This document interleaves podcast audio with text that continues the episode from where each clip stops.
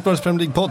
Eh, samlade på onsdag för det är landslagsuppehåll och det har varit allsvensk, eh, vad heter det, upptaktsträff. Du var där igår va Frida? Jag var där, det var som det brukar vara. Väldigt mycket testosteron i en sal. I Vi har ju suttit och kollat lite intervjuer sådär efteråt. Den var väl inte, ja, det var ju ganska roligt. Ganska humoristiskt låg nivå på vissa intervjuer. Vi har ju rätt många, precis som det finns många karaktärer i Premier League så har ju vi i, vi i allsvenskan, ja men i allsvenskan finns det också väldigt många profiler eh, som eh, hanterar intervjuer och sådär på lite speciella vis. Bland annat Linus Hallenius eh, och Rickard Norling inte minst i AIK och sådär. Så att det, det är kul att de, de bjuder ju inte på sig själva för att de är bara sig själv. Det är det de är. Ibland eh, så eh, blir ju svaren som man frågar som att säga. Så att jag, jag har lite sympati för Hallenius just i det här fallet. Ehm, lite synd att man kan säga att, att den här lingonligan går i vägen för eh, Premier League-podden då som den fick göra. Eh, nu pratar jag till fansen här. Oj. Eh, det var en, en, en, Riktig attack mot Ja. allsvenskan och svensk fotboll. Nu måste, alltså. nu måste vi ju förklara att du inledde med att attackera min dialekt. Ja, jag vet inte, jag, det, det, jag har vaknat på fel sida. Ja, det är attackerna bara flyger Du fyller ju år idag. Ja, Det kanske är därför jag liksom känner mig Upphöjd. Ja, liksom så här, det är så härskartekniker, jag går runt och eh, dominerar folk. Precis. Ja, det är ju, det är olikt mig. det är ju, det, man säga. egentligen är det inte så trevligt men så här, vi fick väldigt mycket energi Ja. av Syks eh, liksom, Så är det. dominanta approach. Ja, alltså du är ju verkligen på tå nu efter den där attacken mot jag, dialekt. jag vaknade, Ja. jag vaknade till liv. Ja men det är bra, det är mission accomplished. Jag Ehm, vet vilka knappar han ska trycka på. Det är precis som de här stortränarna. Ja. eh, vi har också fått eh, nya ljudeffekter till vårt mixerbord. Som jag Du är som ett litet barn på julafton nu med det här mixerbordet här. Och det, vi måste förklara också att det lyser i olika färger. Det ser ut som en, eh, man har köpt det i en leksaksbutik. Ja, eh, den är fin. Ehm, ska vi vi hoppas att den funkar också bara då. Eh, det är så med nya grejer. Vi ska börja, tänkte jag, i FA-cupen. Eh, det är där de eh, häftigaste mötena från helgen har varit. Vi hade två stycken Championship-lag kvar utav de åtta kvarvarande lagen i kvartsfinal. Swansea och Millwall. Ingen utav dem gick vidare. Båda två var snubblande nära att göra det. Swansea framförallt, det var ju ingen som hade räknat med på förhand. Graham Potter eh, fick på något sätt till det här eh, böljande, flödande anfallsspelet som han ju gjorde eh, ÖFK kända för, eller med, eller vad man säger. Ehm, så man kanske inte riktigt har fått till i Swansea så här långt, har ju inte fått handla så mycket spelare, kanske inte fått bygga det här laget riktigt ut, ut efter sin filosofi än. Men stundtals mot Manchester City såg det ju riktigt imponerande ut, även om City till sist då blev lite för tunga, lite för starka och lyckades vända det här. Men eh, det var en imponerande inledning utav Swansea. Frågan är om det finns ett värre sätt att förlora en fotbollsmatch på. Just när man är sådär snubblande nära. Mm. Eh, jag tyckte att Swansea hade väldigt mycket marginaler på sin sida. Egentligen fram tills det var ungefär en, vad blev det, en kvart kvar eller 20 minuter kvar eller vad det, vad det nu var. Då började helt plötsligt allt gå emot dem. Och det är ju just därför de förlorade den här matchen också till slut. Och det går väl inte att komma ifrån heller att när de bytte in, eh, eller eh, Bernardo Silva där när han går ut på, ehm, på kanten så, så blir det på något sätt, eller City blir betydligt farligare eh, offensivt. Och eh, det är inte speciellt märkligt att det är Silva som gör ett av de där målen också.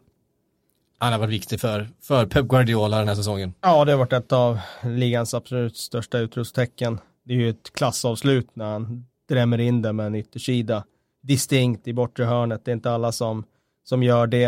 Eh, och sen såklart eh, hade ju Agüeros intåg stor betydelse. Eh, Sterlings intåg stor betydelse. De vände ju egentligen matchen på det sättet, att byta in sina kanoner. Och då kändes det som att det blev en växel till. Och som Swansea, såklart i slutet av matchen hade ännu svårare att hantera eftersom de hade slitit som djur i första halvlek och början av andra halvlek på fredat sig. Men om man börjar från början tycker jag att eh, alltså det var ju en imponerande försvarsinsats av Swansea. Eh, som tycker jag, även det är klart att de har några vassa chanser där. Det var ju mirakulöst att David Silva till exempel inte gjorde mål där. När Nordfeldt för en gång skull var överspelad. Men eh, de gjorde det ju bra i spelet ute på plan och de hade ju ett otroligt bra omställningsspel Swansea. Alltså dels med den där speeden på James, men det där målet de gör när de liksom bara ställer om från, från eget mål och sen går det snabbt och sen går den som, ja, som enligt skolboken, eh, rysk klapp-klapp-spel där på sista tredjedel och sen bara Men det här är ju, veva in den. det är ju väl, alltså, vi- jag, jag tycker jag känner igen det där från ÖFK, alltså från hur de spelade när de kom upp i allsvenskan och överraskade alla med, alltså, det är Po- Potters filosofi på något sätt. I Att, alla fall första, eller första säsongen, men i alla fall eh, säsongen som de gick så bra i Europa League där. Eh, då tyckte jag att man såg det här spelet väldigt mycket för att den, eh, alltså säsongen 2000, eller våren 2018 blev det ju då innan Graham Potter lämnade, så, så hade de flesta allsvenska lagen genomskådat det där och låg betydligt lägre och så fick ÖFK det lite jobbigare då också.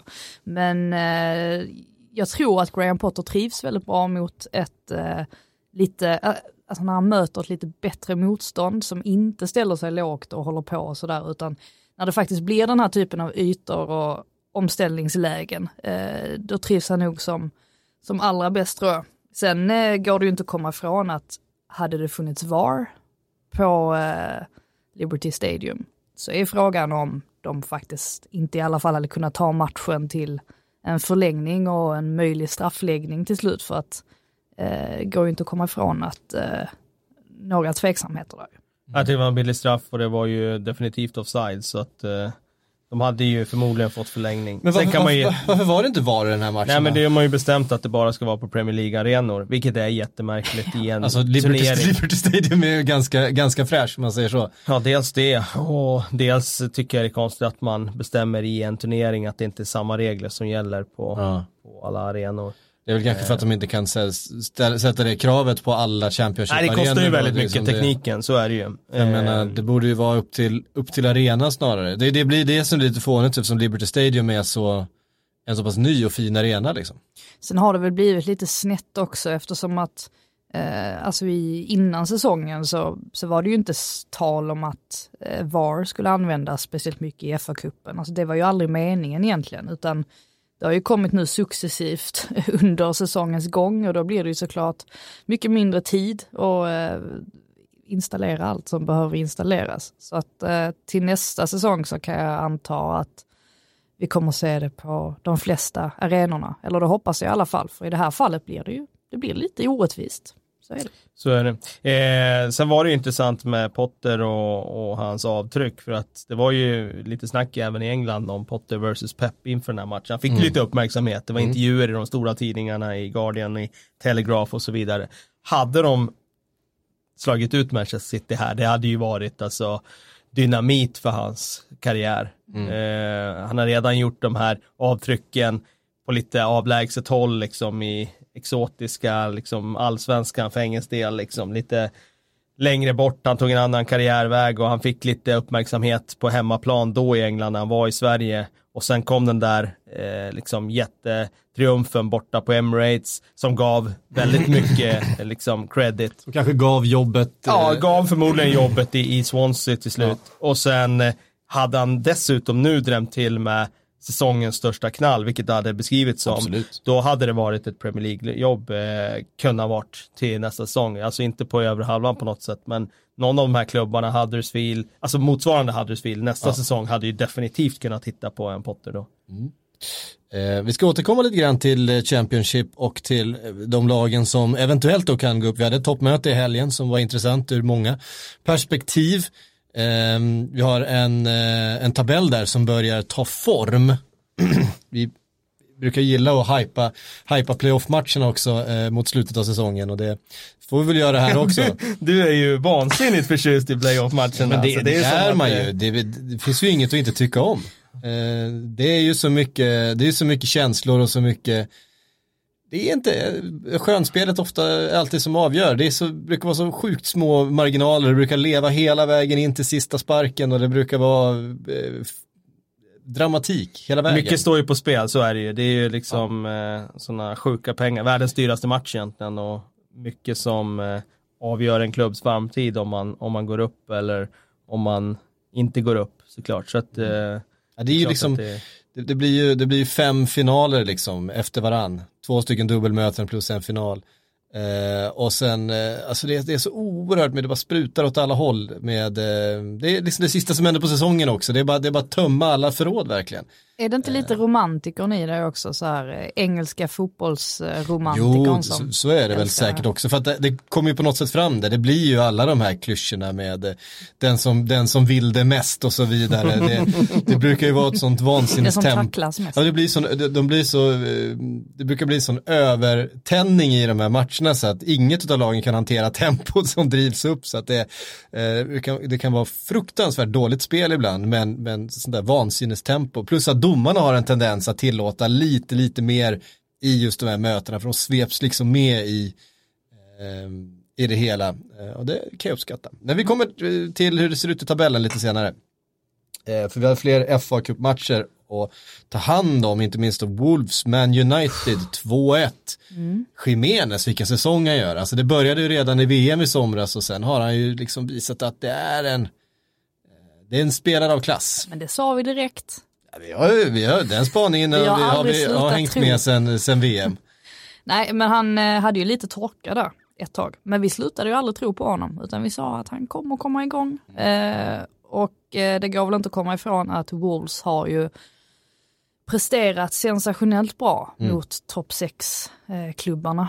Eh, frågan är ju vad det egentligen beror på att de faktiskt har haft lite bottennapp mot sämre lag, men det kan väl dels bero på att tycker jag att de, eh, liksom Swansea eller Graham Potter-lag, eh, inte verkar gilla riktigt att möta lågt stående lag. Eh, då blir det väldigt mycket i sidled och då kan de få lite, eh, lite problem.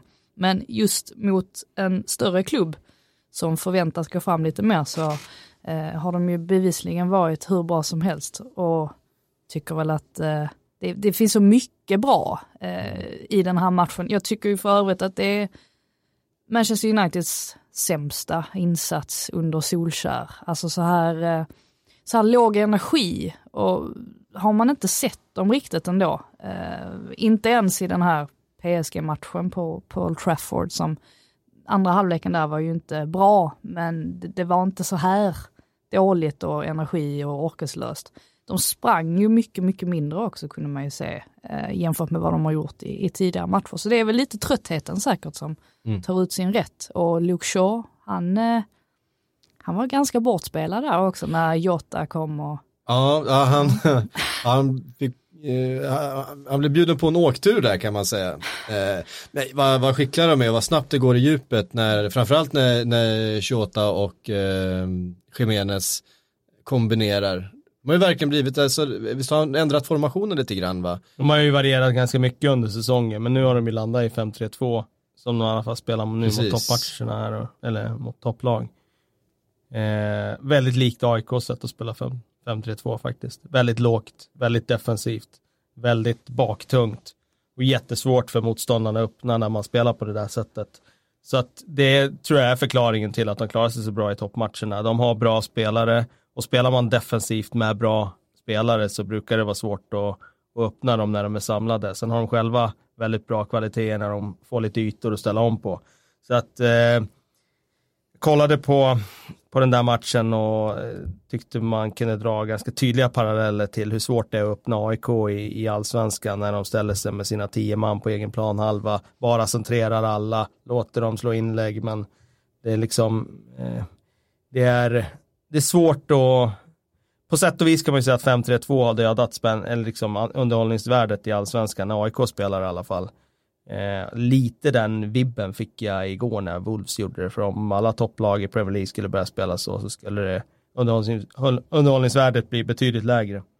Eh, men enorma kvaliteter när de går framåt och det är ju bara att lyfta på hatten nu för jag har ju hackat någon gång på Neves under säsongen här, men eh, nu är han ju riktigt, riktigt bra. Eh, och Moutinho är också riktigt, riktigt bra. Mm. Och Jota är också riktigt, riktigt bra och Jiménez som vi var inne på är också riktigt bra. De har ju riktiga klassspelare alltså. Och eh, det är bara konstatera att eh, det här projektet har ju varit en succé under den här säsongen. Jag menar de kommer upp och de chansen att sluta sjua i ligan, de går långt i kuppen alltså ja, det är bra jobbat. Det är ju inte helt otänkbart ändå. Alltså först när man fick höra deras målsättning om att slå sig in i topp 6 så tyckte, tänkte man ju att ja, here we go again ungefär. Men efter den här säsongen så känns det ju inte alls otänkbart. Inte på sikt nej. Nej, för att får de bara behålla spelare eh, och locka nya spelare, vilket man säkerligen kan göra med en viss. Jorge Mendes hjälp, så eh, kan ju det här eh, gå hur långt som helst känns det som. Ja, verkligen. Eh, det var någon som tyckte, eh, ifrågasatte lite grann varför vi inte ifrågasätter Wolves på samma sätt som vi pratar kanske om Manchester City och sådär. Men Fast det har det, det, det, mycket. till viss del, men jag tycker det är två liksom, lite olika saker här också. Att det är klart att det finns oegentligheter kring Wolves, men det handlar om sportsliga saker. Det handlar om att de har en, en av världens främsta fotbollsagenter som kanske är inne för mycket i organisationen, mer än vad som egentligen borde vara tillåtet. Inte att de har en ägarstruktur som begår brott mot mänskligheten eller mot mänskliga rättigheter på andra håll i världen. Det är, som, det är två helt olika diskussioner på, ett, eller på något sätt. Jag vill bara svara lite på den kritiken som jag ändå sett eh, har dykt upp i sociala medier. Ja, det är ju var- kinesiska ägare ju. Så att, Ja, det är, det är kinesiska ägare och det kan man också ifrågasätta för att med, med, kring kinesiska ägare. Det finns ganska många kinesiska ägare i, eh, i den europeiska toppfotbollen. Ehm, men den främsta kritiken som har varit mot Wolves har ju varit eh, Jorge Mendes eh, in, Det är ju så otroligt luddigt det där också vad man får göra som agent nu för tiden och vad man inte får göra. Man ska ju inte få sitta på dubbla stolar men Nej. Han gör ju det här. ja det är ju uppenbart att, eh, att eh, det är en form av att göra det i det här fallet och sen vad som är tillåtet och inte det verkar ju vara en gråzon. Ja, det räcker ju med att inte göra det officiellt så kan ingen hävda att du gör det men eh, de facto har det ju kommit fram i flera tillfällen att han gör ju det när det gäller just Wolves. Att han, är, han har en, en, eh, en involvering i den här klubben som, som gör att det, och det, det, jag menar alltså, det räcker med att titta på spelarvärvningarna, alltså bara rekryteringarna, hur, hur det faller sig, alltså eh, vilken påverkan han har. Mm. Så, så är det ju klart så, alltså FA har ju utrett det här eh, mer än en gång och eh, är det så att eh, eh, alltså regelverket behöver kanske bli lite tydligare eh, kring hur agenter får användas för att i nuläget så gör han ju uppenbarligen inget fel enligt dem eh, eftersom att han har friats så att säga varenda gång. Men jag måste bara säga en sak om matchen eh, som jag tar med mig också. Eh, det var ju de här fantastiska bilderna när eh, Lindelöf eh, lyckas eh, omvandla sitt röda kort där till ett gult. Precis. Men inte bara det, utan ser ni att han pratar portugisiska? Han Ja. står och, och inte bara det, han gestikulerar som en portugis, fick jag berättat för mig av en portugis. Alltså han hade, det var väl lite, var inga trevligheter han, skick, han slängde ur sig där heller. eh, till vilken av alla eh, portugisiska spelare det nu var i, i Wolves. Det är ju halva startelvan eller om det var. Nuno eller vem det var som han stod och Eh, pratade med, det vet jag inte riktigt. Jag vet inte heller vem det var, men det var ju, det var ju en, en, en harang av, av svordomar och, och um, förolämpningar, eh, ganska klassiska portugisiska Han var ju förolämpningar. lite skakig i matchen ska ju sägas. Ja, och Eh, bo, borde det där röda kortet verkligen ha eh, överklagats utav Ja, VAR? det kan Jag kan tycka att det kanske var ett rött kort hit- där. Ja, man kan nog dividera om det både hit och dit. Han frias väl just för att det inte är rakt bakifrån va, utan att det är lite från sidan han kommer. Jag tyckte, eller jag lyssnade med engelska expertkommentatorer då, Ja, då okej. sa de det att när det är från sidan på det här sättet så kan man frias. Ja, det är ju en riktig satsning i alla fall som man har sett tidigare kan rendera ett rött kort. Men han träffar ju bollen eh, och det kanske gjorde att han klarade sig också. Ja, eh, jag tror att i en annan liga hade han nog inte klarat sig. Nej, så är det Ehm. mycket möjligt. Två andra matcher också i FA-cupen då i helgen. Eh, Watford slog Palace med 2-1 och eh, Brighton slog Millwall med eh, efter straffar då, 2-2 efter fulltid. Där är också en... En, lite en, ledsen. Eller uppe. Nej, men alltså, det hade varit kul att ha med ett eh, Championship-lag in i semifinalen i alla fall. Det, det är ändå the magic med? of the cup. Jag tror inte FA håller med, men det skiter jag i. Eh, det är inte alltid jag och FA håller med varandra, så kan man väl säga. Eh, men alltså, du, alltså att det är just Millwall och så vidare, men det hade varit kul ändå för, för ligan. Nu är det fyra stycken Premier League-lag i semifinal igen som det brukar vara. Ehm, och fyra Premier League-lag som inte kanske har gått på, på full maskin heller hela vägen och tar, tar sig dit ändå. Eh, ja. Samtidigt så ser vi det samma från Championship-lagen, att de också prioriterar andra saker före FA-cupen. Um, om man har ett, en gynnsam tabellposition så är det så oerhört mycket mer värt att ta klivet upp i Premier League än det att spela en semifinal i, i FA-cupen och att man skulle gå och vinna alltihop och få spela Europaspel. Det känns som så osannolikt ändå för man får möta Manchester City B i finalen och så får man stryka i alla fall. Mm.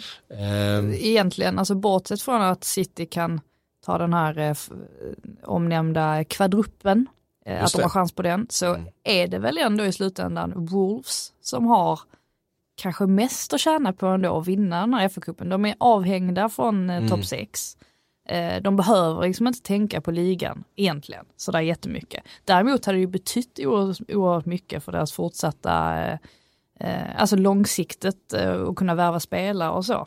Tror jag, definitivt. Mm. Så att eh, jag ser dem som en stark contendent till att gå hela vägen.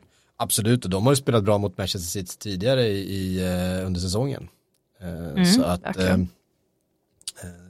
ja, men det finns, det finns möjlighet till en bra match i alla fall. Om det nu blir dem, ska vi säga här att Manchester City ska ju först då slå ut Brighton. Och Wolves ska i sådana fall då slå ut Watford på vägen. Wolves-Watford är också en match man ser fram emot. Ja, den är helt mm, öppen. Den, den är inte alls avgjord på något sätt.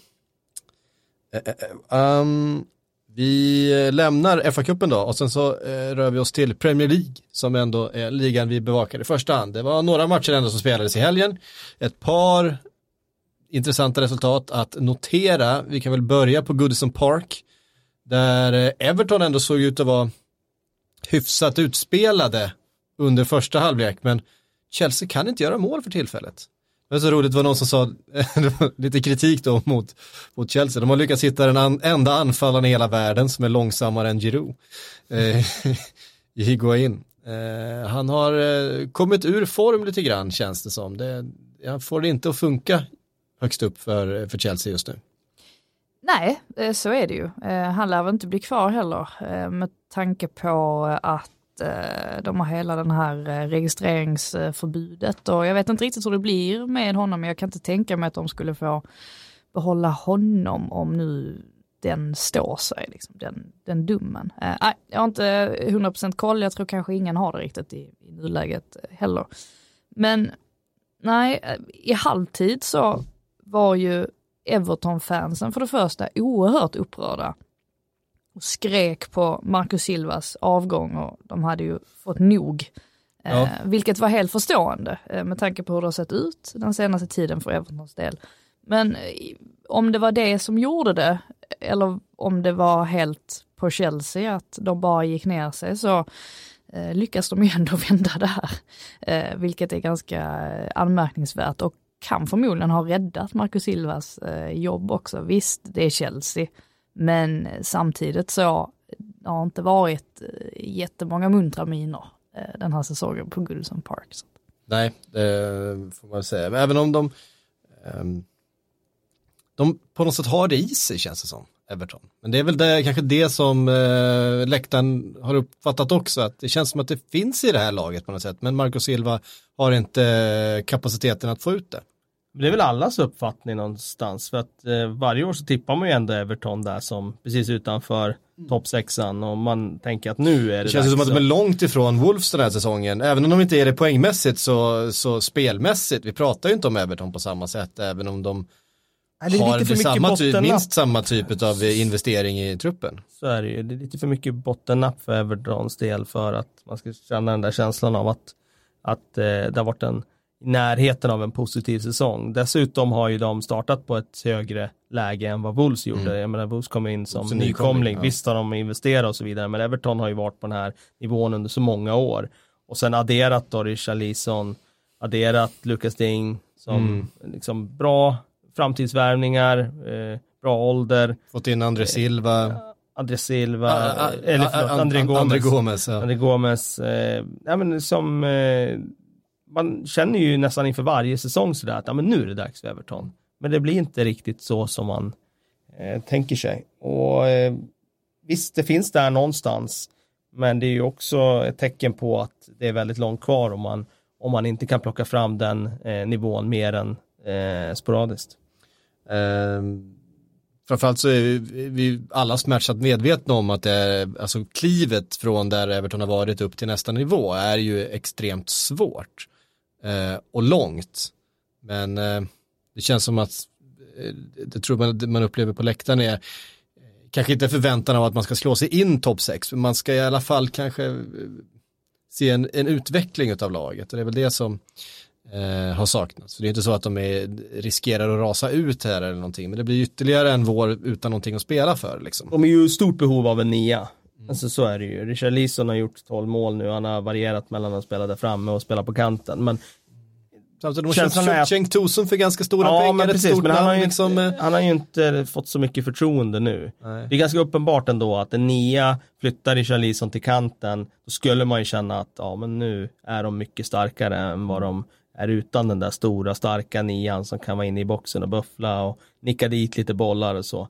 En Duncan eh, Ferguson? Nej, jag, jag, jag förstod att du skulle dra, eh, dra det tillbaka till Duncan, Big Dunk. Men Nej men alltså en, eh, en ny version av Lukaku liksom. Då ja. skulle de ju ha mer De har ju inte lyckats ersätta Lukaku helt Nej. enkelt. och det är inte så konstigt med Nej. tanke på eh, att han kanske var lite för stort namn för en klubb som Everton egentligen, mm. när han värvades. Eh, fick väldigt mycket pengar för honom. Det gäller ju att hitta en forward som kan gå in och fylla den luckan efter honom. Och det är väl det som Wolves har lyckats göra mm. med sina värvningar där framme. Uh, Fulham Liverpool 1-2. Eh, blev en skakig eh, eftermiddag för, för, många, för många Liverpool-supportrar. Eh, Ett tag trodde man ju att Ryan Babel skulle bli den som man för alltid mindes som han som sumpade. Ja, han hade, hade var nästan så att han inte ville slå in den bollen. så, alltså, alltså nästan bedrövad ja. ut efter han hade slagit in den. För han, han är ju en, en Liverpool-ikon eh, på, på vissa sätt ändå. Alltså det, han, han, han är ju inte någon av de, de stora stjärnorna som har varit, men han var där under ganska många år. Han tror han eh, identifierar sig ganska mycket fortfarande. Det är väl ändå på något sätt toppen av hans karriär, de åren han hade i, i Liverpool. Det där målet borta i Frankrike han gjorde, var det Bordeaux borta eller när ja, han dunkade var... in den från 30 meter? Exakt. Något sånt där lag var det. Så, så att eh, det var var en motvillig målskytt på många sätt. Ja, det var det. Ja. Jag har aldrig sett någon fira så lite. Nej, Nej det kan vara. Nej, det, det, man ser eh, nästan fram emot det sista omgången när Liverpool har Wolves. Man ser Connor Cody när, när Salah kommer en mot en där. Just det. Hur ska han hantera den situationen? Ja, han är liksom född och uppvuxen i klubben, hela, hela familjen är Reds liksom, från, ja. han har varit sen, sen han föddes. Ehm, ja, den blir, eh, den blir en speciell Du antyder här att han kanske Nej, lägger sig den Nej, det tror jag inte. Jag tror att, jag tror att eh, det, det, det sitter inte, det kommer inte naturligt för en fotbollsspelare i en matchsituation att göra någonting annat än, än sitt bästa i alla situationer. Um, men det blir ju ofta, det är klart att det blir speciellt för den typen av spelare. Absolut. Det, kan... det, borde, det borde inte vara för Ryan Babel kan jag tycka. Men däremot, eh, vi, minns, vi minns ju när Frank Lampard till exempel gjorde mål mot, mot Chelsea. Eh, det syntes ju på hans, hans ansikte, alla känslor som for genom kroppen på honom då. Hur, ja, men tror nog inte att vissa spelar lite också. Ja, så det är ju, har ju blivit vara, en men... grej. Alltså jag, det, menar, ja. jag tror inte att alla känner så. Jag tror definitivt, alltså Ryan Babel såg ju faktiskt ut att känna så. Men så jag tror ju ut. långt ifrån alla, vissa gör det nog bara av ren, uh, av farten liksom. Ja. Men uh, jag tror ju säkert att det där målet uh, kommer diskuteras en del på holländska spelarbussen mellan van Dijk och Babel där. För att, eh, det var ju lite märkligt. Ja, Frågan en... är vems eh, fel det är. Eh, Klopp så, tyckte ju Milner. Ja, som Klopp sa, om Milner inte hade kommit in så hade det slutat 1-0. ja, just det. Just det. ja. För, eh, alltså det, alltså, en sån där snedspark kan man ju få på hända. mitten. Eh, det är klart att han har. Det var en, en eh, boll som satte van Dijk lite i skiten. Men eh, det är ju van Dijk som gör misstaget egentligen. Ja, men samtidigt Alisson tycker jag, alltså, han fick ju för sig att han skulle ta den med fötterna. Det var ju ja. bara att gå ut och plocka den med händerna. Det var ju nick. Precis. Han slängde sig fram och tagit den med händerna. Så hade han ju fått bollen, det hade inte varit några problem. Det var ju som att han tvekade ja. för mycket. Det har vi eh. sett mer än en gång. Just de här mm. målvakterna som är väldigt duktiga med fötterna, att han väldigt gärna vill använda fötterna hela tiden också. Men precis som du säger, alltså, han får ju använda händerna också. Uh, men eh, sen är det ju det där med Fulham, det är alltså även om det är så kort tid kvar av matchen då, det var väl en dryga kvarten av ordinarie tid, så vet Ja. man ju att det finns ju alltid något horribelt misstag i den där backlinjen eller på målvakt också, för Rico har aldrig imponerat på mig den här säsongen. Nej. Visst, han har sko- stå- stoppat skott ibland, men eh, han har ju inte ingett någon trygghet alls. Eh, och det var ju ett jättemisstag att eh, tvåla den där skottet där från Salah. Ja, precis. Och det, alltså det, det, går ju, det går ju sex minuter eller något sådär mellan målen. Alltså det, när man får en sån, ett sånt gratis som Fulham får. Men det är liksom i det läget, det, de, de, klar, de har inte i sig just nu att, att, att eh, rida ut en sån, eh, en sån match. Och det, eh, sen var ju en väldigt svag insats från Liverpool också kan man väl säga att det, det känd, kändes, kändes väldigt mycket eh, som baksmälla från, det var ju onsdags, man var i, eh, i München och, och, vann, och, och vann med 3-1. Eh, så får man det där tidiga, ändå hyfsat tidiga målet. Och då känns det som hela laget bara, ah, okej då, då kan, vi, då kan vi slå på takten lite grann här och då kan vi ta det, det kan man ju inte göra liksom. Det är, Måste läsa upp en helt sjuk eh, stats om eh, Sadio Mané som jag hittade. Jag, jag förstår inte ens hur det här kan stämma. Men det eh, är det en var obegriplig spelare. Det, både Opta och Sky har skrivit det. Så att, eh, alltså Ja. Mané har alltså haft 18 klara målchanser eh, i Premier League den här säsongen. ja. Eh, vilket är färre än vad många andra i, i, högt upp i skytteligan eh, har haft. Det är dessutom samma eh, antal chanser som, eller lika många antal chanser som Gabriel Jesus. Eh, med skillnaden att Mané har alltså gjort mål på 11 av de här 18 målchanserna och Jesus har gjort mål på 4. Det är ändå rätt. Ja, han har en, en otrolig eh, com, conversion rate den här Men, säsongen. ja, men det där låter ju som clear cut chances, det, alltså de här Ja. givna målchanserna. Det låter mest som riktigt dåligt av Jesus faktiskt. Ja men det var ju 18. ändå, det säger ju ganska mycket om hans form. Ja, ja verkligen. Och han gör mål igen nu, uppe på eh, 17 precis som eh, Salah. Ligger delad andra plats då tror jag i, i skytteligan bakom Agüero. Ehm, och han gör ju inte bara mål i ligan, han gör ju mål i, Champions League också, så att han är ju i en hysterisk form eh, Sadio Mané. Och det var ett, det var ett fint mål han gjorde, han kombinerade med, han skapar ju hela det anfallet själv också, det är ju, det är ju inte bara det att han petar in dem i, i boxen just nu, han är ju så oerhört viktig för hela anfallsspelet, för Firmino vill ju ha någon att kombinera med, det är ju så, det är så han funkar, han är inte den som, som hänger in 20-25 bollar per säsong, eh, även om han väl gjorde nästan det förra säsongen, men eh, han, han är ju den som, som man vallar mot liksom, som, som kombinerar och som kan hålla bollen och hitta små ytor och, eh, och sådär. Och när Salah inte riktigt funkar eh, liksom i det spelet just nu, då är det ju Mané som måste göra det. Och det Det Himla känns, som, det känns som en mental spärr för, för Salah. Det känns ju som han att får ju man det, är... det, det friläget Mané där som Mané ju- serverar honom och där måste han ju göra mål liksom. Det är ju bara så. Mané är ju där rent mentalt, där, alltså, där Salah absolut inte är, men där han var för ett år sedan. Alltså då när han bara öste in en massa mål. Det är ju, jag tror att får bara Salah sätta en boll, eh, eller två, så kommer han säkert komma igång lite mer, men just nu så är det säkert en, en spärr. Mm. Ehm, helt klart. Så, Liverpool tillbaks i, i toppen då med en match mer spelad. Eh, Manchester Citys hängmatch är ju dock eh, den på Old Trafford. Den ser mer och mer intressant ut den matchen.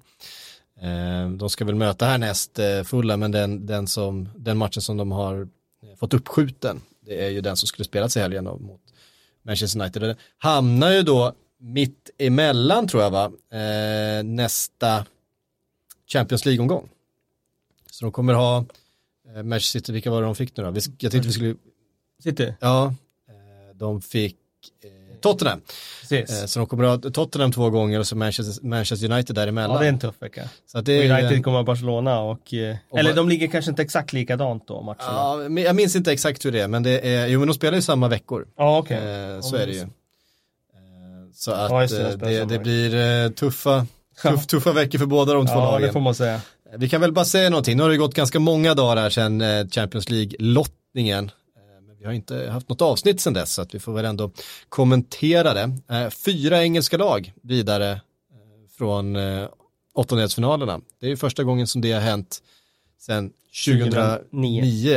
Eh, och bara tredje gången det har hänt överhuvudtaget. Och alla tre gångerna det har hänt så har det varit engelska lag som har lyckats göra det. Ja, det är väl då inte så. lyckas göra det. Alltså att engelska, Jaha, att, att en liga har fyra lag med Ja, till kvartsfinal. Ja, just det. Det är bara Premier League som har lyckats göra det. Trots den spanska dominansen under Ja, år så hade de eh, som mest bara tre lag med. Det är väl inte jättes, jätteförvånande ändå. Eh, man har ju suttit och väntat lite grann på att de ska gå längre. Eh, plus att i år känns det som att det var ganska perfekt på så vis att nästan alla storklubbar har haft något problem. Alltså Barcelona är mitt inne i en generationsväxling. Bayern München är också det. Real Madrid ja, är ju ett haveri. Liksom. Inte nu längre när Zidane har kommit in och plockar in Isco i startelvan och sådär igen. Men eh, de har ju skakat så att liksom, ska man säga det på det viset så Premier League har ju faktiskt aldrig, alltså topp top fem klubbarna i alla fall, topp sex. Det var ju länge sedan de mådde så bra ändå. Det fanns så många, det är så många duktiga tränare som har varit där eh, ganska länge nu. Alltså Klopp har fått några säsonger och eh, Pochettino inte minst har varit länge i Tottenham, alltså kontinuitet. Ehm, ja, det är ju bortsett då, Solskjaer är ju enda undantaget. Ja. Så att eh, det skulle väl hända någon gång. Så på det sättet är det ju inte särskilt förvånande. Nej. Eh, nej men det var ju liksom den spaningen gjorde vi ju också för, för ett par år sedan i, i podden här att eh, pengarna är ju där, de största tränarna är ju där och lagbyggarna liksom, det, förr eller senare så kommer det ju ge en effekt. Det, det är ofrånkomligen så, pengar styr så oerhört mycket i, i dagens fotboll att eh, kan inte de italienska lagen hänga med ekonomiskt, kan inte de tyska lagen hänga med, hänga med ekonomiskt, eh, det är ju egentligen bara PSG, Real Madrid och Barcelona som kan göra det, och, och Juventus eh, också då. Eh, Medan du har sex lag, eh, i alla fall, eller fem lag i alla fall i, i, i Premier League som kan göra det ekonomiskt hela tiden, kan köpa de dyraste spelarna och anlita de, de, de största tränarnamnen och så vidare. Det är klart att det, det förr eller senare så ger det effekt, det är ofrånkomligen så. Sen är det ju ganska små marginaler. Jag menar, Uniteds absolut. vinst eh, hängde ju på en på håret kan man ju lugnt säga. Och Ja. jag menar att Tottenham skulle vinna mot eh, Dortmund på det där sättet, det var nog inte många som såg framför sig. Nej, alltså det var ju eh, tuffa, tuffa matcher. Manchester United PSG liksom. Ja, Det var... och även Liverpool, även om de gjorde det övertygande så, Ja. så finns det ju andra eh, liksom, Scenario. scenarion Ja, i det där. Verkligen. Eh, men lite då, eh, vi har ett, ett helengelskt möte då, det har vi kons- konstaterat, det är Manchester City mot Tottenham, City förstås favorit i det dubbelmötet, Tottenham som ju går på knäna verkligen eh, för tillfället. Um, Manchester United-Barcelona, Ja, det är ju en ännu större favorit i det mötet ska jag säga. Ja. Så kan inte se något annat än att eh, Barcelona med Leo Messi i den här formen som han är nu, eh, bättre än någonsin skulle man nästan säga. ja. Kanske inte gör eh, lika mycket mål som han gjorde under något år för Ja. 6-7 år sedan, men alltså hans register nu, det är ju det är helt otroligt. Den uppvisningen han hade i helgen här som många säkert har sett målen ifrån, men alltså spelmässigt också mot Real Betis här, den var, det var något utöver det vanliga, även för honom. Det enda som kan vara skönt ändå det är ju att Manchester United, ingen tror ju på dem i det här mötet.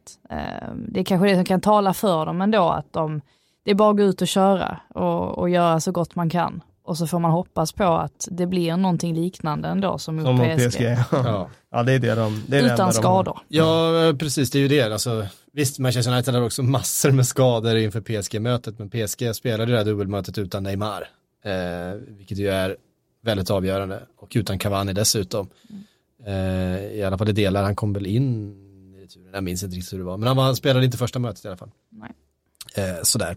Eh, det är klart att Barcelona är ju, som de har varit under några år nu, rätt beroende av en Messi som eh, Nu löser ska vi säga också att Suarez har ju faktiskt hittat tillbaka. Jag var ju ganska kritisk till honom för ett år sedan. Jag tyckte han hade tappat det då och var verkligen på väg ut för. Men nu här under vintern och våren här så är ju han också riktigt, riktigt bra.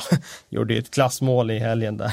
Han bara rann rakt igenom försvaret och bara förnedra eh, motståndarna. Så att eh, assisten till Coutinho i Champions League förra veckan också var, var Var helt, helt okej. helt, helt okej när han bara kroppsfintar bort eh, försvararen.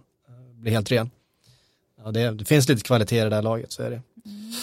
Ehm, Och så Liverpool som slog ut eh, Bayern München och lottades mot Porto. Det, Det var minst- jackpotten. det var ju jackpotten i den. Eh, skulle inte förvåna mig ett dugg då fall, fall Liverpool åker i den här kvarten mot just Porto. Det, ehm, bara därför, för alla har jinxat sönder den här, eh, det här mötet. Men det är klart att det är väl kanske den som kommer ha minst mediatid eh, utav de här eh, fyra mötena eftersom alla förväntar sig att Liverpool bara ska de möttes i Champions League förra året, Liverpool åkte ner till Dragao och vann med 5-0 och sen så var returmötet, in, liksom, det var 0-0, det var det. två lag som ställde ut skorna och tittade på klockan. Ehm, jag förväntar mig inte att Liverpool åker ner till Portugal och vinner med 5-0 kanske den här Nej, det gången. ju... För Portugal är bättre i år än vad de var förra året. Ehm, är de rapporterna som man har fått från, från eh, Portugal. Sen ska ju just Dragao, alltså det, det känns som man har att det är en ganska tuff bortamatch där. de, har ju aldrig förlorat, man de hade aldrig förlorat med 5-0 där eh, före, förra säsongen. Roma hade det ju eh, riktigt eh, jobbigt ju. Mm. Eh, att det, förlorade de ju i slutändan också, men man märkte det att det var jäkla tryck Ja. på stadion.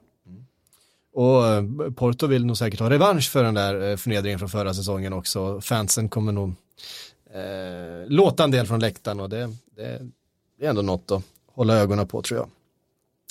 Vi eh, ska ja, just får säga något om Europa League-lottningen också. Vi har ju två engelska lag med där också. Eh, tufft för Arsenal. Mm. Få eh, Napoli i kvarten där. Det blir, eh, det blir svårt tror jag. Sevärt. var verkligen eh, upp till bevis för Emery. Samtidigt så har de ganska mycket för att spela för i ligan också, den där topp fyra positionen. eh, Ja. Ja, det blir intressant nu för att båda spåren är ju en Champions League-biljett. ja, Och eh, det går ju inte att, att dumpa Europa League och bara satsa på ligan för det finns inga garantier där på något sätt. Så att eh, de måste ju dubbelspela och gå på båda nu. Och, Samma gäller Chelsea. ja, precis. Och eh, det tror jag de kommer göra. Det känns svårt att veta, alltså man vet ju inte alls hur det kommer gå för att Arsenal, det känns som att de är väldigt mycket så här vecka, vecka till vecka, att ena veckan kan det se hur bra ut som helst och sen så nästa vecka så kan det se bedrövligt ut. Man vet aldrig var man har dem riktigt. Det är lite som, alltså, liksom förlora mot Bate borta, jag Rennes också, men just den insatsen mot Bate var ju fruktansvärd. Sen så slår man liksom Bate hur enkelt som helst på hemmaplan och, och likaså med Rennes, liksom bara kör över dem. Så att, eh, nej, jag ingen aning hur, Nej, man blir inte riktigt klok på dem. Det Nej. är som, de är som Mesut Özil i hela laget. jo, faktiskt. Ehm, mm, vi har fått en massa frågor i vanlig ordning. Vi, eh, vi dundrar väl på va, eh, tänker jag. Dr. Bombay ja, har eh, Det var en, det var en profil. Ja. eh, skriver, året är 2021. Ruben Neves blir Champions Leagues bästa spelare. I vilken klubb spelar han? A lot can happen in three years, like a chatbot may be your new best friend. But what won't change? Needing health insurance. United Healthcare Tri Term Medical Plans, underwritten by Golden Rule Insurance Company, offer flexible, budget friendly coverage that lasts nearly three years in some states. Learn more at uh1.com. Vad är det för år nu höll jag på att säga? 2019? Det är, det är två år. Ja, det är två år. Det är två år bort. Usch, Ruben Neves är jag 21 nu va? Ja, han spelar inte i Wolves i alla fall om man ska vara Champions Leagues. Bästa spelare, nej det har jag svårt att se. Det är ju, det är ju också så här, Jorge Mendes är det ju som, eh, Som ska, som ska placera honom någonstans. Ja, Eh, Han måste in i Real Madrid eller något sånt där. Ja, det är väl så va? Eh, kanske de skulle ha nytta utav om de ska växla ut en Modric och en eh, Kroos och så här eh, eventuellt här de närmsta säsongerna. En Ruben Nevers kanske? Ja, Zidane har väl nog säkert blivit lånad, en, lovad eh, en hel del pengar. Ja, det, det pratas ju om att det är eh, Tre en, miljarder. en, en rejäl, ja. Det är klart, de har inte investerat sådär vansinnigt mycket de senaste säsongerna som kanske har lagt lite på hög. det har de nog gjort. Men juniorerna de har köpt eh, har ju inte varit gratis heller va, så att eh, lite pengar har det ju spenderats men eh, vi vet ju att Real Madrid när de väl trycker på gaspedalen så brukar det ju bli världsrekordssummor så eh, vi förväntar oss eh, en spännande sommar, så kan man väl säga. Um, El Jocko skriver, eh, Klopp är ju nya Mourinho, grinar lika mycket, skyller på yttre omständigheter, verkar vara allmänt psykiskt labil, att- attackerar domare utan att straffas av FA. Fast har vi, det har vi ju vetat om hela tiden eller? Alltså att han är lite galen, eh, Jürgen Klopp, det, var ju, det vi kände vi ju till sen, eh, sen Dortmund. ingen glömmer väl fjärdedomaren som fick sig en hårtork i mötet med, vilka var det nu i Champions League? Jag minns inte vilka det var, men det var ju ganska uppretad Klopp den gången. Nej, men det är klart att han har lite av den där sleven han också. Och jag kan väl hålla med lite om det där, att det har varit lite väl mycket så här, eh, skylla på andra grejer. Mm. Nu under våren här i alla fall. Mm. Eh, det, klä, det är inte riktigt klädsamt för honom, tycker jag. Nej. Eh, det passar nästan bättre på Mourinho som man har vant sig vid, kör med det där hela tiden, det är hans mantra liksom. Han är ju lite, han är, alltså Mourinho är lite mer slick liksom i, i hur han gör det också. Att han, han, han har ju en, en, eh, en litet mått av självdistans som Jürgen Klopp saknar i de här sammanhangen. Men Mourinho gör det ju också oftast för att liksom flytta fokus åt ett annat håll. Alltså det är ju oftast hans grej när han liksom, eh, ja, när han håller på med sina psykologiska spel sådär. Plus att det finns en liten, liten glimt. Mm. Eh, som man kanske saknar hos, hos Klopp som gör att när han Alltså han, han kan ju uttrycka sig när han, när han har sina haranger och när, så gör han det ofta på ett, så att vi sitter här och fnissar efteråt, alltså på ett komiskt sätt. Jag menar, alla, alla de här, nu vill du att jag ska stå här och prata om hur jävla dålig domaren var, men det kommer jag inte göra. alltså, han, han, är, han är ju raffinerad på ja, ett sätt som, som ja, Jürgen Klopp inte är. Ja, det ska han ju ha faktiskt. Kanske kan lära sig någonting utav. Eller när han vill men, gratulera men, Mike Riley, den är så men det vad ni absolut aldrig kommer få höra eller uppleva är att eh, jag blir misstänkt för matchfixning. Nej, det, var, det är fortfarande en av hans bästa stunder. Ja, det, det är sjukt alltså. Ja. Från alltså. ingenstans. ja, han har pratat i tio minuter. Sjuk, alltså. ja. ja, det är så bra. Uh, man saknar honom lite grann. Ja, det, det gör man faktiskt. faktiskt. Alltså, det är ju underhållande med honom. Mm. Det, det, måste man ge honom. Um, MB eh, skriver, vilket av lagen på väg upp från Championship tror ni har störst chans att etablera sig i Premier League och kommer Fulham eller Huddersfield att studsa tillbaka upp? Ja, men då kommer vi in på den här punkten som eh, jag av någon anledning hoppade över lite med körschema, nämligen Championship. Vi hade ett eh, toppmöte i eh, helgen. Eh, Leeds United mot Sheffield United. Det är verkligen så här två olika skolor som möts. Det är två eh, men det är ju den slumrande jätten på något sätt i Leeds som så länge har varit nere i Championship men nu fått in då eh, ja, den, den, största fotbollsfilosofen av dem alla i, i Bielsa. Eh, med massor med liksom internationell eh liksom flärd i det här laget också då. Eh, mot ett Sheffield United med Chris Wilder eh, som manager som är på något sätt, på många sätt är det som raka motsatsen mot Bielsa. Eh, han är en, eh, han, är, han är Sheffield United through and through, han har liksom, han kommer ifrån verkligen de lägre ligorna i England, han spelar väldigt rakt, han spelar väldigt enkelt, eh, inga krusiduller.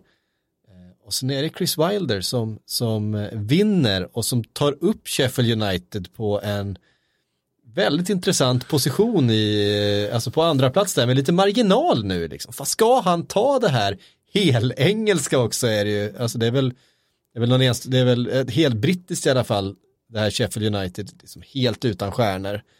Eh, nästan, nästan ingen Premier League. Eh, De har några irländare. De har någon irländare. Eh, det är ändå rätt nära att vara britt. Uh -huh. eh, och liksom helt utan Premier League-erfarenhet egentligen. Ska, han liksom, ska Chris Wilder, ska han lura, ta dem? Lura Bielsa på Premier League-platsen. Ja, det, det, är liksom, ja. det är en sån fantastisk det, historia på något ja, sätt. Det... Jag träffade ju Hasse Backe igår på upptaktsträffen. Mm. Uh, han var ju inte så länge sedan han släppte sin bok här om Bielsa. Han är ju otrolig Bielsa-fanatiker, mm. uh, Hasse Backe. Uh, han var ju, nu var han orolig att, nej nu missar Leeds, sa han. Eller han trodde, han hade den känslan av att de missar att gå upp och då kommer det liksom bara gå åt skogen. För det är ju så det brukar göra med Bielsa, att mm. han är kvar liksom ett tag och sen så eh, går det antingen jätte, jättebra eh, och gör det inte det, då, då går det ut för eh, ganska så snabbt. Eh, och det är väl lite det är väl lite det man kan konstatera också, hur länge orkar man träna på det sättet som Bielsa kräver? Vi ser ju Pontus Jansson här eh, skadad igen eh, missar landskamperna. Det måste vara oerhört tungt för honom med tanke på att Lindelöf lämnade återbud. Han hade ju varit Eh, det hade ju förmodligen varit han som hade gått in då eh, och tagit eh, den platsen där. Nu istället borta ett par veckor. Det tär ju på spelarna att träna på det här sättet. Man orkar inte speciellt länge. Så vi får se hur länge Bielsa blir kvar. Mm. Dömt av highlightsen från matchen apropå det här med att det kan hänga på små marginaler igen. Ja. Leeds hade ju helt sjuka lägen. Ja. Eh, och eh, Sheffield United stack upp, kontrade och stoppade in 0-1. Eh, det var inte helt, eh, ja, inte helt rättvist, rättvist men eh, så är det.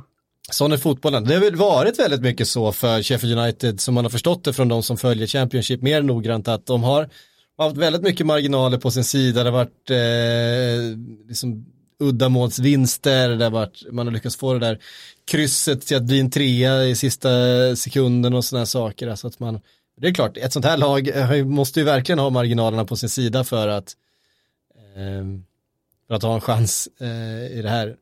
det hade varit oerhört häftigt att få upp Blades till, eh, till Premier League. Du är helt... Eh, du, det, ja, men det, det, visst, ja. men det, helt orimligt. Det är ett otroligt eh, icke-profilstarkt lag. Kolla här på, på uh, laget här. Visst, Billy Sharp, det är ju verkligen en Championship-profil. Han ja, har stoppat absolut. in två, eller 22 mål den här säsongen. Ja, han har vilket är stoppat fantastiskt facit. 200 eller någonting ja, i Championship genom åren liksom. Otroligt mycket mål i Championship och även en sån där forward som, han är ju jättebra i Championship men inte tillräckligt bra för Premier League. Mm. Och det är därför han har spelat där i alla år. Och McGoldrick vet vi också kan göra mål. Eh, men bortsett från det så noterar John Fleck här, en evigt ung John Fleck som beskrevs som den nya Wayne Rooney en gång i Glasgow Rangers. Han, han är 27 år nu, nu för tiden eh, och eh, lirar Championship. Oliver Norwood var ju en stor ung stjärna också, också 27 år nu för tiden. Eh, Vad är det för fel på Mark Duffy? Men det är inte Richard Stearman liksom. alltså, jösses säger jag. Ska de upp med det här laget i Premier League? Ja, med Chris Wilder vid spakarna liksom. Ja. Då blir det, då blir det raka, raka fyror med en tvåa framför. Ja, lycka till. ja, nej, men det, vi har ju sett några sådana här lag kliva upp. Jag menar, vi såg Huddersfield eh, utan resurser kliva upp. Vi har sett eh, Brighton utan resurser egentligen kliva upp och sådär. Eh, och ändå hänga kvar. Eh, men det har ju ändå varit lag med lite annan profil än det här eh, Sheffield United. Det här är ju mer, alltså om vi ska jämföra så kanske är det mer Cardiff när de gick upp förra säsongen då.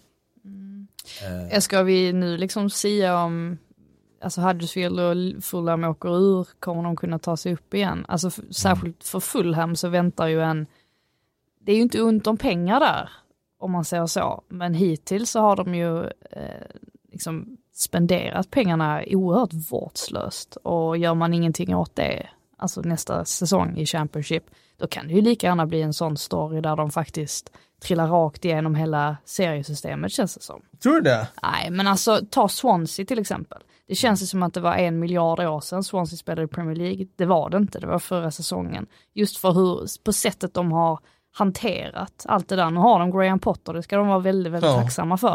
För hade de inte haft det, utan en sämre tränare, då hade det nog kunnat liksom falla rakt, ur, ja, rakt igenom. Och jag är rädd att Fulham eh, kan få sätta sig i den situationen också. Det är så jag menar.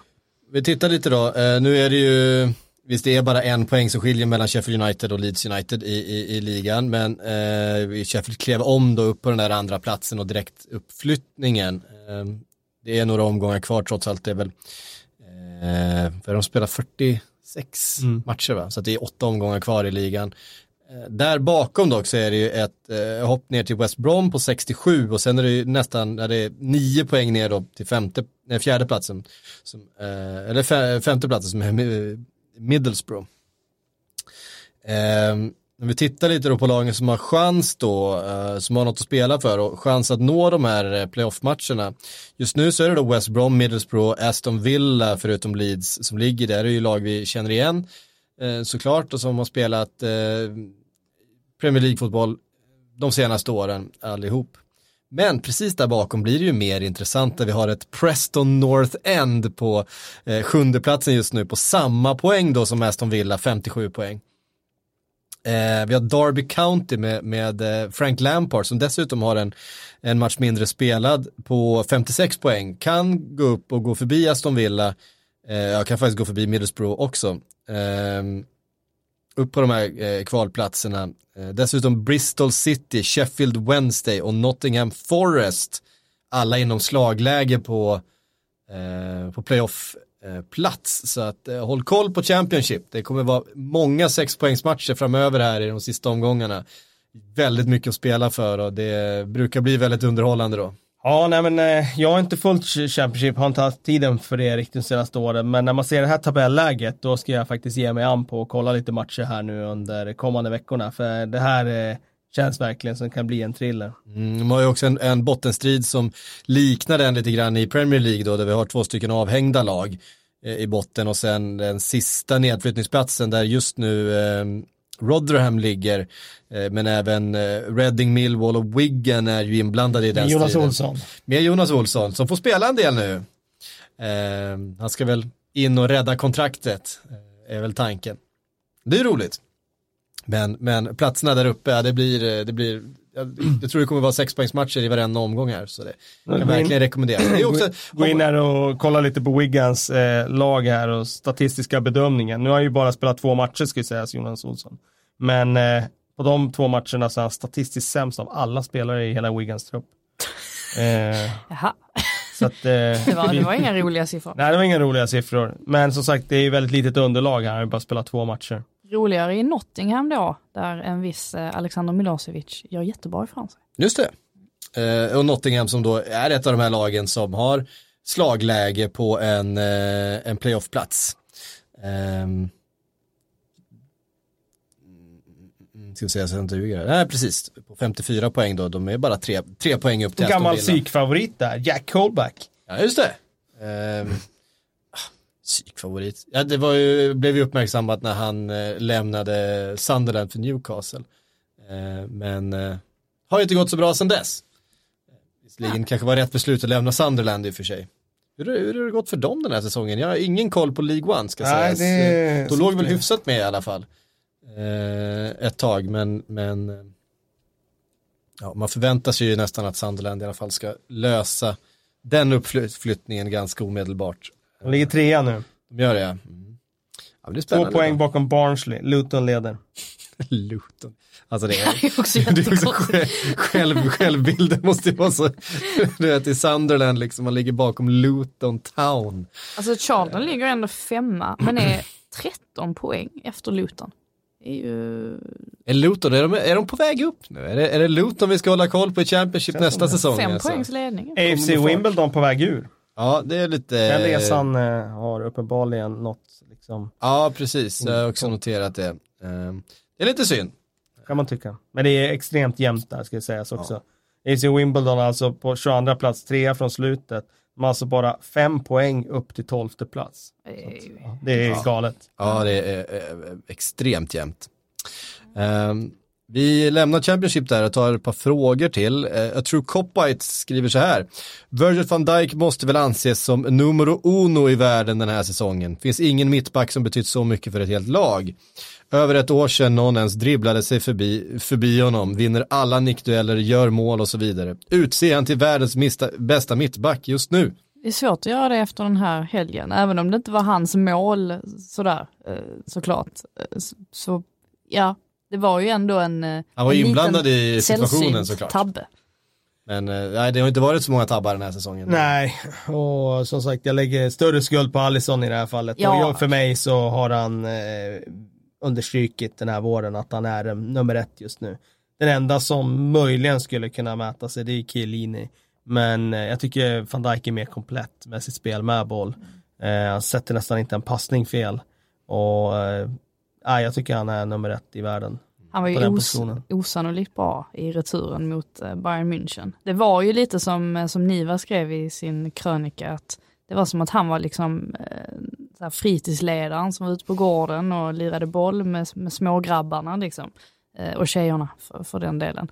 Men det är äh, som en, en, en vuxen mot barn liksom. Men Ja, det att ser, så ut ibland när han spelar för han är så oerhört stor och har sån pondus liksom. Ja, att att det. är anfallare som no- normalt sett ser ut och eh, som kan ta sig an vilken, vilken eh, back som helst och de springer rakt in i van Dijk och sen så, så vet de inte hur de ska. Han är ju unik alltså med den storleken, snabbheten också. styrkan i luften och så dessutom kombinera det med att han har bra fötter. Han kan ju slå de här eh, Krossarna cross, och även passningarna rakt igenom lagdelar. Så att eh, jag vet att det är ett big statement att göra, men jag tror att eh, fortsätter han så här, då kan vi snacka om honom som bästa försvararen i Premier Leagues historia. Eh, tillbaka till 92 alltså. Eh, ska inte gå tillbaka och jämföra med Bobby Moore och de där, men under Premier League-eran, ja visst, Ferdinand var bra, ja visst, Terry var bra, eh, extremt bra. Och, men jag har inte sett någon av dem, inte Vidic heller, dominera på det här sättet som van Dijk har gjort under den här säsongen faktiskt. Vidic var otäckt bra säsongen 08-09 var det väl. Det var ju den, det året när Fernando Torres förnedrade i en match, men det var bara den matchen han egentligen fallerade. Annars var han tog otroligt bra. rött kort i den matchen till slut va? Ja, till, till slut när Torres hade blåst förbi han ett par gånger. Men eh, skillnaden mellan Vidic och van Dijk är att van Dijk också har det här spelet med fötterna som är, eh, ja, de dimensioner han har i det spelet är ju minst lika bra som de, som de eh, bästa mittbackarna i världen också. Jag twittrade förra veckan och undrade hur man enklast får holländskt medborgarskap. För jag fick se en bild på van Dijk och de Ligt och tänkte liksom att återigen, hur otroligt spännande det mittbacksparet är. Och jag tror precis som Kalle att om några år så kommer man liksom sitta och bara, ja, de Ligt och van Dijk, där har vi världens absolut bästa mittbackspar. Utan Det, det som är intressant med Delicht är att han har ju alla de här kvaliteterna han också. Eh, och dessutom de här ledaregenskaperna som ju van Dijk såklart också besitter. Men Delicht är ju lagkapten i Ajax 19 i bast. 19 års ålder. Ja, det är löjligt Och alltså. jag menar, de är, alltså han spelar Champions League-kvart som lagkapten, som mittback, som 19-åring. Ja. Och är redan nu en av ligans absolut bästa mittbackar. Och har också allt det här, han är stor, han är stark, han har fantastiska fötter, han vinner massor med nick, alltså, ja men det är liksom, han är, han är ton, han har inte ens fyllt 20. Ja, ja, det, är, det är skrämmande. Det är faktiskt helt jävla galet. Det är good times to be alive, som eh, en holländsk person, eller nederländsk. Vi kan väl räkna med att... Eh, De har ju alltid ganska tungt i några år, holländsk fotboll, så att de Ja, de- förtjänar ju faktiskt, för jag, någonstans undrar man ju dem med den talangutveckling de har haft historiskt sett, att de ska få fram en ny generation. Allting tyder ju på att Delict blir världens dyraste mittback i sommar här också när han lämnar, Ja, lämnar jag Ajax. gissar att det kommer bli ett budkrig som trycker upp den över miljarden. För Mm. att alla vet ju att värvar man honom så har du en världsklass mittback för, ja, nu ska man ju inte skriva sånt i sten för att eh, så mycket kan ju hända med kontraktslängder och agenter som vill omplacera spelare och så vidare. Men Mm. du har ju en världsklass mittback i alla fall under den kontraktstiden du har skrivit. Säg fem år framåt, får du behålla han, det är tio år framåt. Ja, och precis ska du förlänga kontraktet. Det, det, Ja. det värsta som kan hända är att någon betalar mer för honom och köper honom Ja. av dig liksom. Så att, Eh. Ja. Kommer aldrig glömma hur mycket skit jag fick för att jag påstod att summan på 837 miljoner kronor var ganska logisk ändå och att det, ingen skulle tänka på det om några år. Så mycket, mycket hat jag fick. Ja, vad säger ni nu Van då? Dijk. Va, va, va? Mm, exakt. Du gillar att ha rätt du. Jag får så mycket hat så jag måste liksom ta, Ja, det är bra, helt ta rätt. vara på eh, Helt rätt. Nej, jag kommer ihåg, det var, det var många som, tyck, som ville, men är det inte sådär också, det beror på lite, liksom, det är så format av klubbsympatierna. Jag Ja. kommer ihåg också samma sak det där att eh, han kommer göra försvaret bättre, därför är han ju värd de pengarna. mm. Eh, och Till och med Klopp var ju, hade ju uttalat sig om sådana summor och Just det. liksom att det var, Just så att det. eh, ja absolut, det förstår man ju. Ehm, vi fick en fråga här och det var ju faktiskt en, en eh, grej som dök upp igår som jag inte hade med i mitt eh, originalkörschema här som inte eh, tog sig plats. Men eh, fått en fråga från Kevin, han vill att vi ska prata lite grann om Chelsea, eh, Ruben Loftus-Cheek och Doi, vi har pratat en del om det, men någonting om ryktet om den här eh, miljardären som vill eh, köpa Chelsea.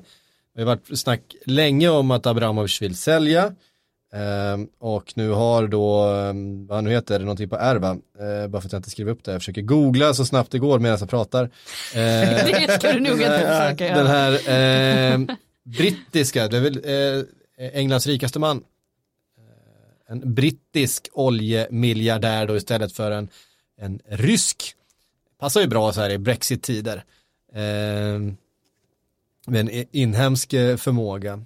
Som sägs då vara intresserade av att eh, köpa eh, Chelsea. Det pratas om en summa på Jim Ratcliffe. just Jim Ratcliffe så heter han. eh, Det är inte klart, det är rykten som har kommit och pratats om en summa på dryg, drygt 2 miljarder pund. Eh, det är mycket pengar. Han ser jätterolig ut. 25 miljarder ungefär. Snacka om Ja. att priserna har stigit. Det är en ganska Ja. bra affär för Abramovic där till slut. Ja, precis. Även om han har pumpat in en massa miljarder så Det har han såklart gjort, jämnt men- upp ändå. Men eh, jag tror han gör en vinst på det. Ja, det gör han. För han har nog plockat ut lite, lite fick pengar under årens gång också här. För de har ju faktiskt inte, han har inte tryckt in så mycket pengar Nej, inte 25 i, miljarder. i, i verksamheten de senaste åren och 25 miljarder är han ju inte uppe i. Och betalar för klubben ett par miljarder? Ja, det gjorde En han väl. miljard. Ja, max. Och sen betalade han ju av skulder då. Det var ju det första han gjorde där. Exakt. Ehm, det, är ju, det var ju populärt sätt att eh, ta över en fotbollsklubb där under några år. Ehm, man klev in och så betalade man skulderna som de hade dragit på sig för att banken hade liksom tagit över kontrollen. Ehm, eller hotade med att göra det i alla fall. Men vad säger ni då? Behöver, behövs det en ny ägare till Chelsea? Ja, vad är era tankar kring eh, det här ryktet?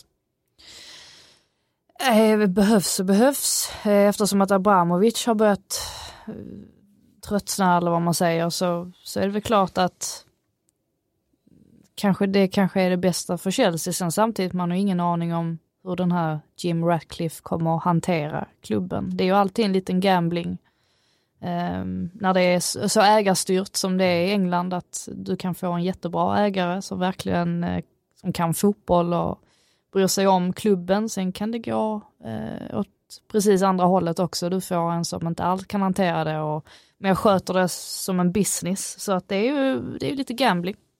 Han är ju uttalad Manchester United-supporter också, eh, Ja. Eh, fast, Ja. fast han har ett säsongskort eh, på Stamford Bridge. Ja, okej. Eh, Det, någonstans är det väl positivt med brittiskt ägande kommer in i en liga Ja. som har översvämmats av utländskt ägande de senaste åren. Eh, så det jag tror det var jag- skönt för Chelsea-supportrarna att få den här oligark-skuggan som har hängt över dem under så många år, få, få slippa den och att nu är man, eh, tror jag. Däremot hade det varit ännu bättre om man hade varit ett, eh, en supporter till Chelsea och verkligen brytt sig om den klubben och haft den historien. Då hade man ju verkligen kunnat känt att det finns någon, någon form av nostalgi i att han nu köper klubben, om man nu gör det. Om man håller på ett annat lag och köper Chelsea så, så eh, är det inte lika positivt såklart. Nej, Nej men det man, det man inser ju är ju att det här är ju inte det är ju inte hjärtat som, Nej, är en- som, som handlar här. Det är, en, det är ju en, det är, det är inte bara en lek, det är en, det är en de är affärsmän. Ja, det är en liksom. investering och en leksak, Ja, absolut. eh, det är ett sätt att, att eh, marknadsföra mm, olika saker för och ett sätt att eh, förvalta och investera på. Eh, som jag har. Nej men du har rätt, det är ju mer investering nu än vad det var. Ett Ja. tag kändes det som det var leksaker de köpte. Ja. Nu är det mer investeringar, de som investerar i idrott. Ja, men man, vi ser ju alltså, eh, men ta Liverpool som ex, ett exempel där FSG ju är ett, ett sportinvesteringsföretag. De är ju eh, helt och hållet in it for the money.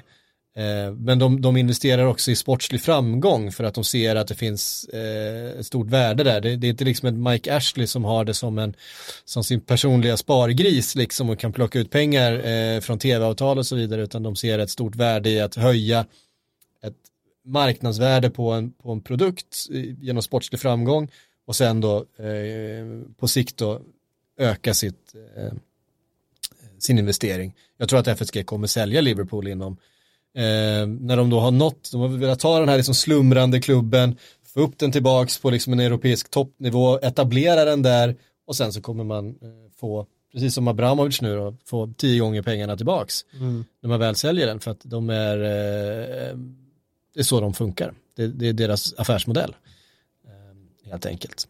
Och det är väl inte helt omöjligt att den här brittiske miljardären ser eh, den, den affären också samtidigt så är det en bra skyltfönster, bra synas, inte minst i England. Eh, det kan vara dörröppnare till, till andra delar av samhället också, även om jag tror att för de här super, super, superrika är det ändå inte så många stängda dörrar eh, någonstans i, i livet. Hörrni, det var vad vi hann den här eh, 20 eh, Du hejdade dig lite Ja, ändå. Du, du ändrar på något ord Alltså ändå. det är ju, det, det är ju satt sig det där. Jag, Ja. jag, jag, jag, jag självcensurerar mig, eh, märker jag. Ja, Men alla vill väl ha en sån här catchphrase eller så här slut, eh, liksom, det är väl lite, är inte det lite prestige typ i USA och sådär på amerikanska Jo men precis, you stay classy San Diego som, Mm. eh, som Anchorman sa. Eh, precis, och det var allt vi hann den här eh, veckan. Vi är tillbaks, nästa vecka får vi väl ta hand om lite landskamper då. Eh, Eftersom det inte spelas så mycket fotboll i, i, eh, Nej. i ligasystemet. Så eh, återvänder vi med lite reflektioner kring, eh, vad är det de har, England, de har Tjeckien va? Jag såg i alla fall något klipp på där Jadon Sancho latchade med Harry Maguire på, på träningsplanen. Det var, det var humor. Känns ju orättvist. Hur ska han, Jag ser Fridas min här nu, hon är helt knäckt där nu. Det är hennes två favoriter liksom och sen står de som motpoler mot varandra igen här. Men eh, Sancho eh, fintar lite. Maguire hade nog svårt att hitta från träningsplanen efter den åkturen. ja, det, ska bli, det, är ett, det är ett kul lag som han har tagit ut Southgate och han, han Mm. Declan Rice. Declan Bra Rice är med, Jadon Sancho. Hudson och att- Eh, precis, jag tror de kommer få speltid också. Kanske inte Hudson Odoi, men Jadon Sancho kommer absolut få speltid tror jag. Ja, det ser man fram emot att se Eh, faktiskt. Eventuellt också Declan Rice. Eh, Det finns ju en position där eh, Henderson skadad, eh, Eric Dyer kanske eh, Aha. Inte, inte haft sin bästa säsong. Eh, Declan Rice i, i superform, kommer in, eh, spelar defensivt eh, mitt då i det här. Vad är det han brukar spela? Eh, 3-4-3. Tre- eh, 3-5-2 brukar de spela. 3-5-2 brukar de spela. Ja. Eh, precis. Ja, det ska bli kul att följa engelska landslaget också. Tack för att ni har lyssnat, tack Adde, tack Frida för att ni kom hit. Vi är tillbaka på veckan.